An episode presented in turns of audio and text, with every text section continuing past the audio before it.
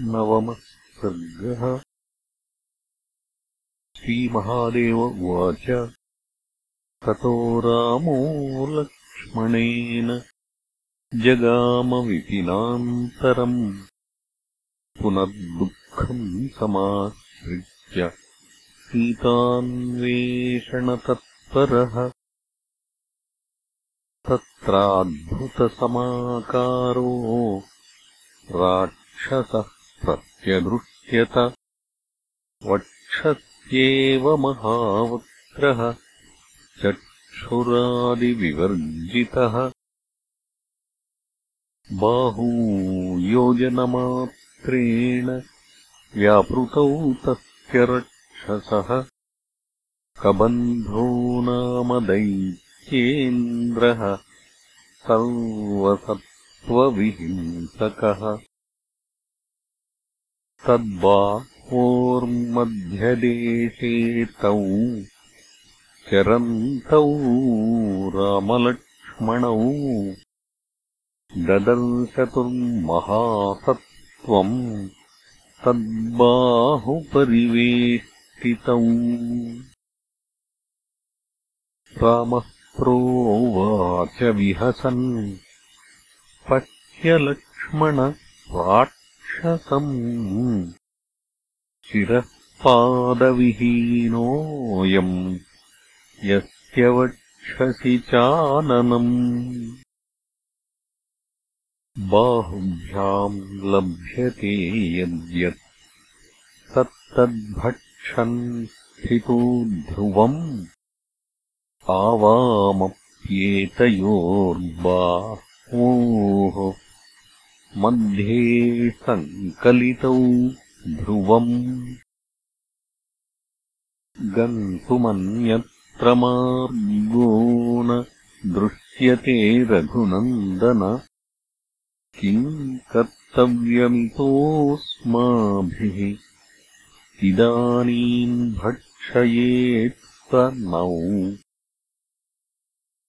लक्ष्मणस्तमुवाचेदम् किम् विचारेण राघव? आवामेकैकमव्यग्रौ छिन्द्यावाक्यभुजौ ध्रुवम्। तथेति रामः खड्गेन भुजम् दक्षिणमच्छिनत्। तथैव लक्ष्मणो वामम् चिच्छेदभुजमञ्जसा ततोऽतिविस्मितो दैत्यः कौ युवाम् सुरपुङ्गवौ मद्बाहुच्छेदकौ लोके दिवि देवेषु वा कुतः? ततो ब्रवीद्धसन्नेव रामो राजीवलोचनः अयोध्याधिपतिः श्रीमान् राजा दशरथो महान् रामोऽहम् तस्य पुत्रोऽसौ भ्राता मे लक्ष्मणः सुधीः मम भार्या जनकजा सीतात्रैलोक्यसुन्दरी।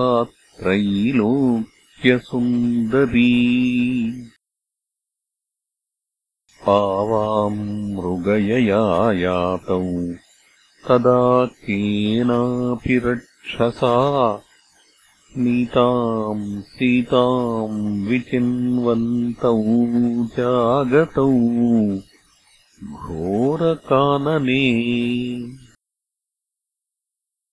बाहुभ्याम् वेष्टितावत्र तव प्राणरिरक्षया।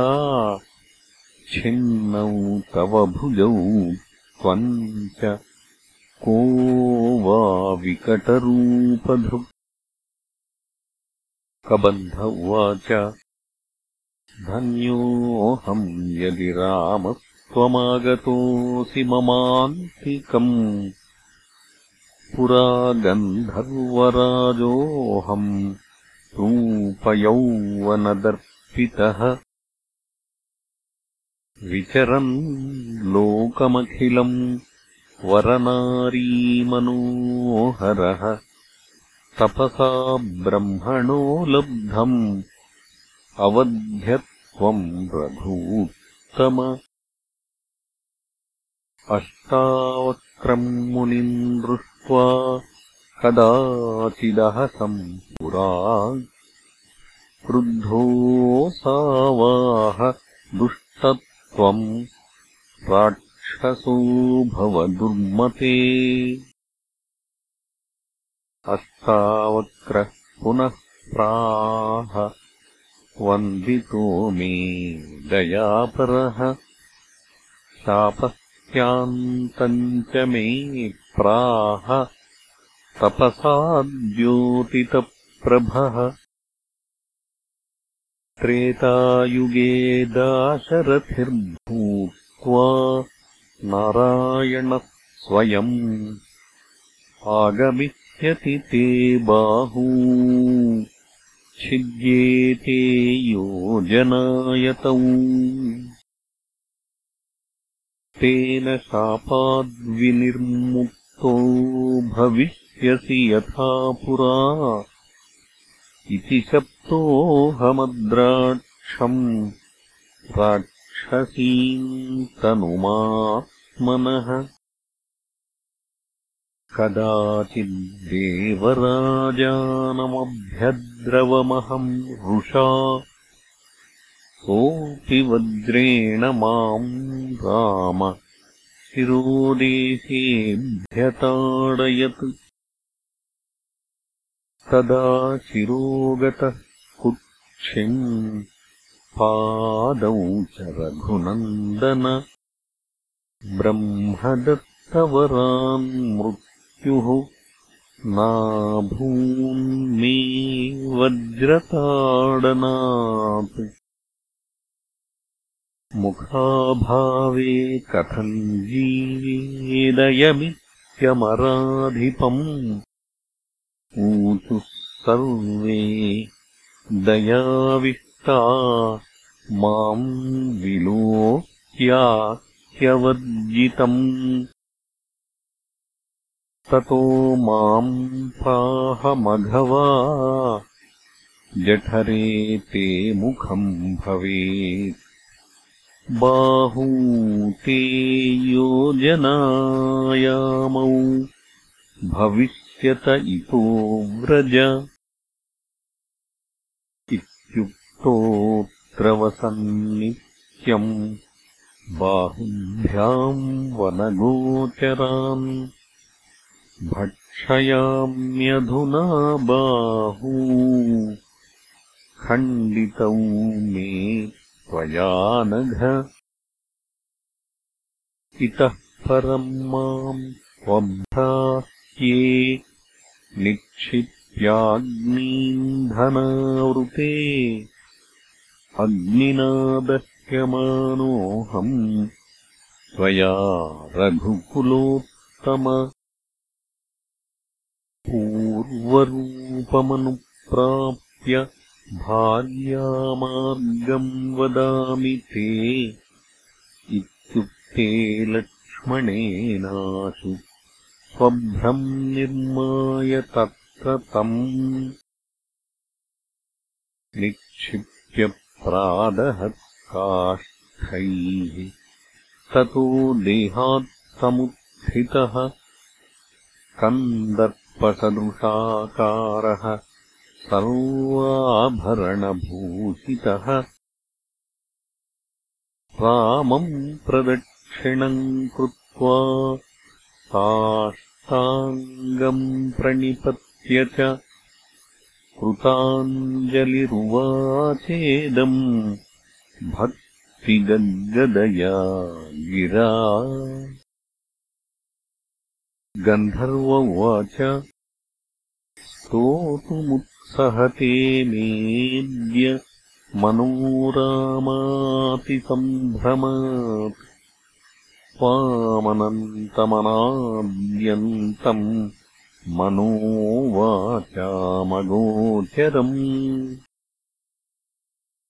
सूक्ष्मन्ते रूपमव्यक्तम् देहद्वयविलक्षणम् सर्वम् दृश्यम् जडमनात्मकम्। तत्कथम् त्वाम् विजानीयाद्व्यतिरिक्तम् मनः प्रभो। बुद्ध्यात्माभासयोरैक्यम् जीव इत्यभिधीयते बुद्ध्यादिसाक्षी ब्रह्मैव तस्मिन्निर्विषयेऽखिलम् आरोप्यते ज्ञानवशान्निर्विकारेऽखिलात्मनि हिरण्यगर्भस्ते सूक्ष्मम् देहम् स्थूलम् विराट् स्मृतम् भावनाविषयो राम सूक्ष्मन्ते ध्यातुमङ्गलम्।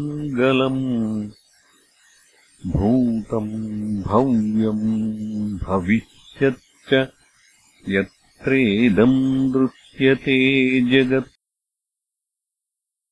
स्थूलेण्डकोशे देहे ते महदादिभिरावृते सप्तभिरुत्तरगुणैः। वैराजोधारणाश्रयः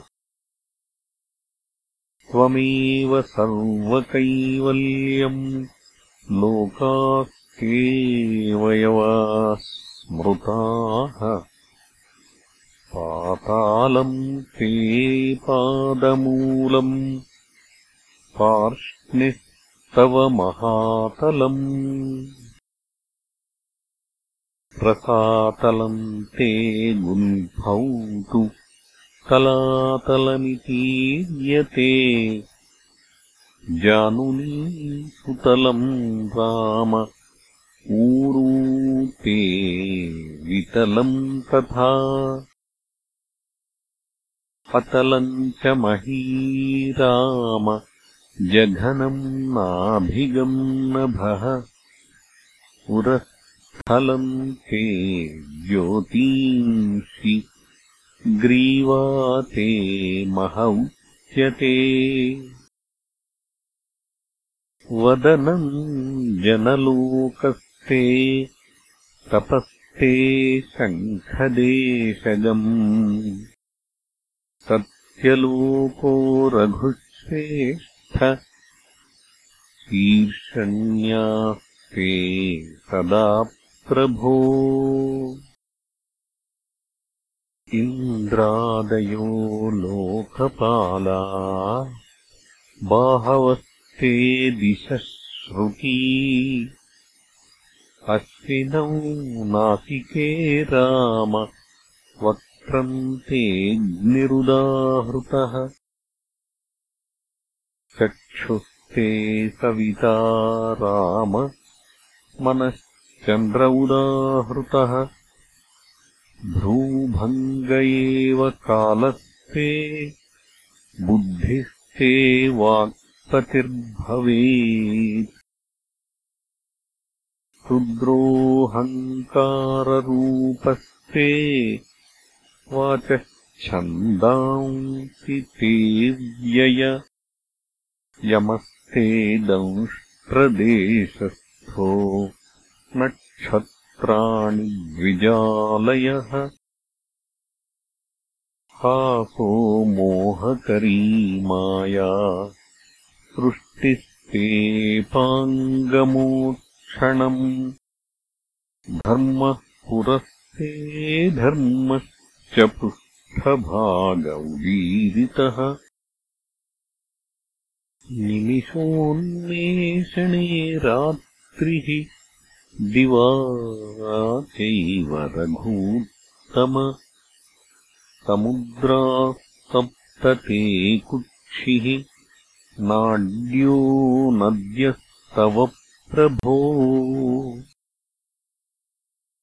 रोमाणि वृक्षौषधयो रेतो वृष्टिस्तव प्रभो। महिमा ज्ञानशक्तिस्ते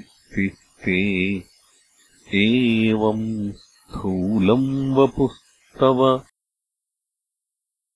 यदस्मिन् स्थूलरूपे ते मनः सन्धार्यते नरैः अनायासेन मुक्तिः स्यादतोऽन्यन्महि किञ्चन।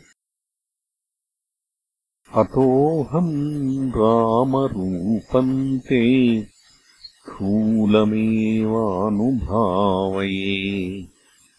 यस्मिन् ध्याते प्रेमरसः स रोमपुलको भवेत् तदैव मुक्तिः स्याद्राम यदा ते स्थूलभावकः। तदप्यास्तान्तवैवाहमेतद्रूपम् विचिन्तये धनुर्बाणधरम् श्यामम् जटावल्कलभूषितम्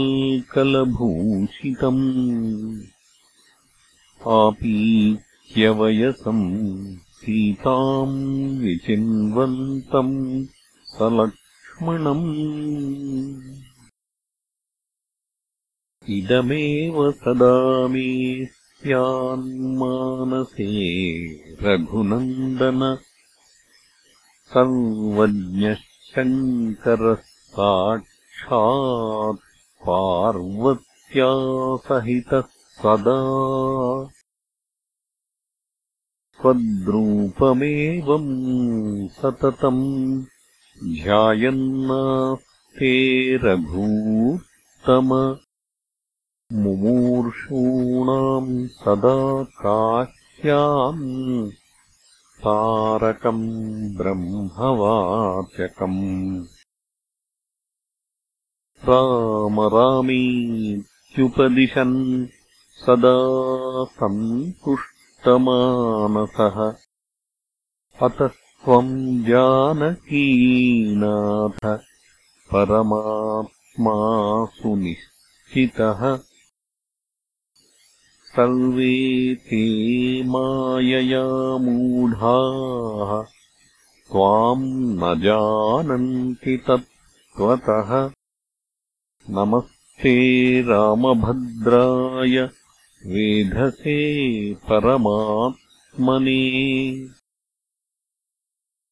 अयोध्याधिपते तुभ्यम् नमः सौमित्रिसेवित त्राहि त्राहि जगन्नाथ।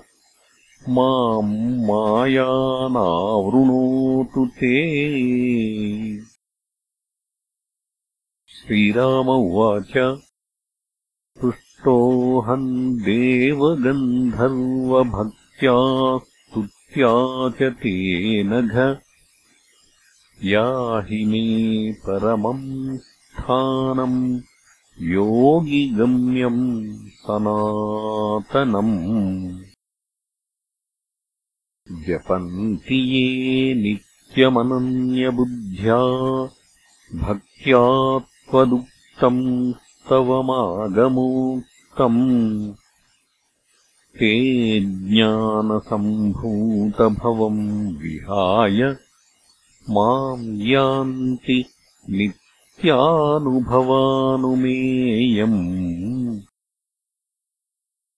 इति श्रीमदध्यात्मरामायणे उमामहेश्वरसंवादे अरण्यकाण्डे नवमः सर्गः